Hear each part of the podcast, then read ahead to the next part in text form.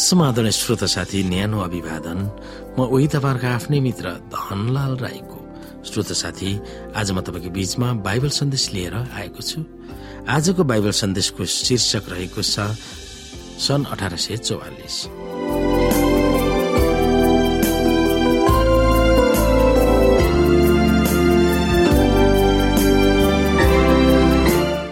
श्रोत साथी सन् अठार सय चौवालिस भन्ने बाइबल सन्देशमा तेइस सय वर्षको भविष्यवाणीबाट पहिलो चार सौ नब्बे वर्ष पौराणिक यहुदीहरूको निम्ति मात्र निर्धारण गरिएको थियो।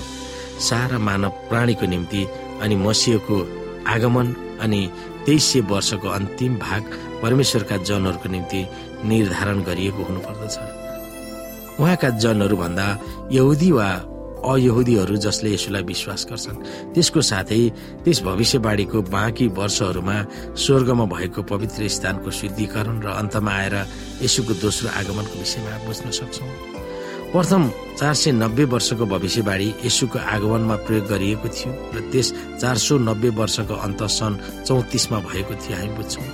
तेइस सय वर्षबाट चार सौ नब्बे घटाउँदा अठार सय दस वर्ष बाँकी हुन्छ यो अर्को भविष्यवाणी जुन अठार सय दसमा अन्त्य भएको थियो त्यो परमेश्वरका जनहरूको निम्ति थियो।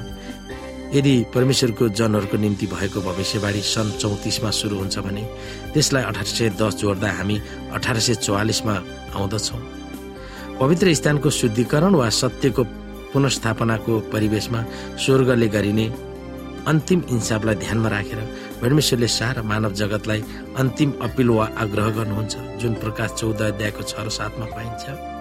मानिसहरूले उहाँको प्रेमलाई अँगाल्न उहाँको अनुग्रहलाई स्वीकार गर्न र धर्मपरायण र आज्ञाकारी जीवन बिताओस् भन्ने परमेश्वरको आह्वान छ लेबी सोह्र अध्यायको स्वर हामी हेर्न सक्छौँ पवित्र स्थानको शुद्धिकरणको कारण के हो र यसले हामीलाई सुसमाचारको बारेमा के बताउँदछ। यसरी इजरायलीहरूलाई अशुद्धि अपराध र तिनीहरूका जम्मै पापको कारणले महापवित्र स्थानका निम्ति त्यसले प्रायचित गरोस्। तिनीहरूका अशुद्धिको बीचमा भएको भेट हुने पालको निम्ति पनि त्यसले त्यसै गरोस्। मानिसहरूका पाप र दुष्टताहरूको कारणले पौराणिक इजरायलको पवित्र स्थान सफा गर्नु पर्थ्यो वा शुद्ध गर्नु पर्थ्यो त्यो शुद्धिकरण पशुहरूका रगतले मात्रै गर्न सक्थ्यो। हामीलाई पनि त्यस्तै हो। हामीलाई मुक्तिदाताको आवश्यकता छ।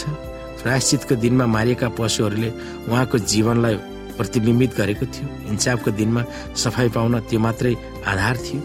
लेबी तेइस अध्यायको छब्बिसदेखि उन्तिसलाई हामी हेर्न सक्छौँ। प्रायश्चित वा इन्साफको दिनमा मानिसहरूले के गर्नु पर्थ्यो भनेर परमेश्वरले के आदेश दिनुभएको थियो? र वर्तमान परिप्रेक्ष्यमा त्यसको अर्थ हामीलाई के छ? परमप्रभुले मोसालाई भन्नुभयो सातौं महिनाको दसौं दिन चाहिँ प्रायश्चितको दिन होस्। त्यस दिन तिमीहरूले पवित्र सभा राख्नु। तिमीहरूले आफैलाई इन्कार गर्नु र तिमीहरूले परमप्रभुको निम्ति अग्निहोम चढाउनु। त्यस दिन तिमीहरूले कुनै किसिमको काम नगर्नु किनभने परमप्रभुको सामुन्ने तिमीहरूका निम्ति प्रायश्चित गरिने यो प्रायश्चितको दिन हो।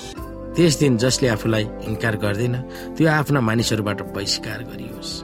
इजरायलीहरू आफूहरूलाई इन्कार गरियोस् कष्ट दियोस् वा परमेश्वरमा आत्मसमर्पण गरियोस् भनेको थियो। यसको अर्थ जब प्रधान पुजारीले पवित्र स्थान शुद्धिकरण गरिरहेको बेलामा मानिसहरू नम्र भएर आफ्ना हृदयहरू छाम्नु पर्थ्यो आफ्ना पापहरू स्वीकार गर्नु पर्थ्यो पश्चाताप गर्नु पर्थ्यो र परमेश्वरसँग आफूहरूलाई शुद्ध बनाउन प्रार्थना गर्नुपर्दो थियो दानियल सात अध्यायको नौ र प्रकाश चौधका उप अध्यायहरू भविष्यवाणीहरू तिनीहरूमा विशेष गरेर न्यायको घडीको निम्ति तयार हुन जरुरी आह्वान थियो।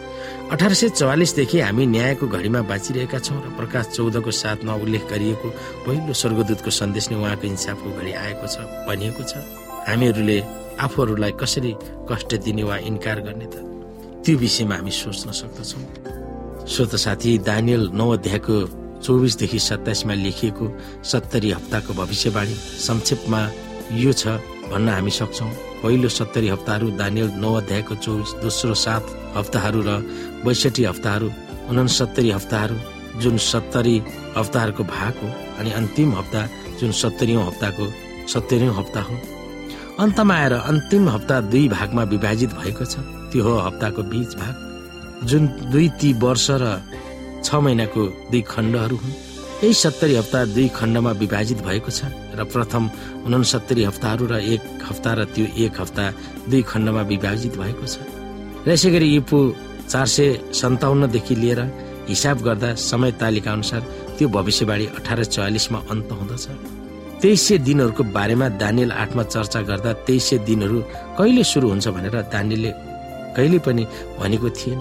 उनले मलाई भने दुई हजार तिन सय सात र बिहान लाग्नेछ तब पवित्र स्थानको पुनः अर्पण हुनेछ। दानियल आठ अध्यायको चौधमा दुई हजार तिन सय दिनहरू कहिलेदेखि किन दानियलले देखेका स्वप्न दर्शनदेखि सुरु भएन वा राजा बेलसजरको शासनकालदेखि यसले काम गर्दैन।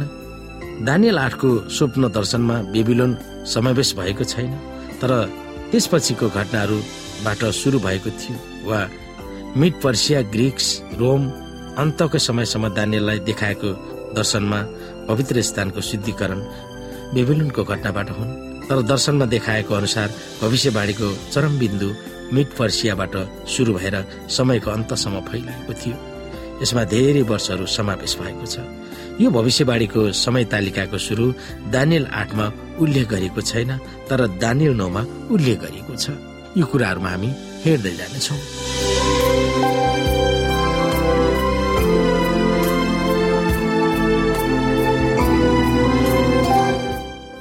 श्रोता साथी आजको लागि बाइबल सन्देश यति नै। हस्त नमस्ते।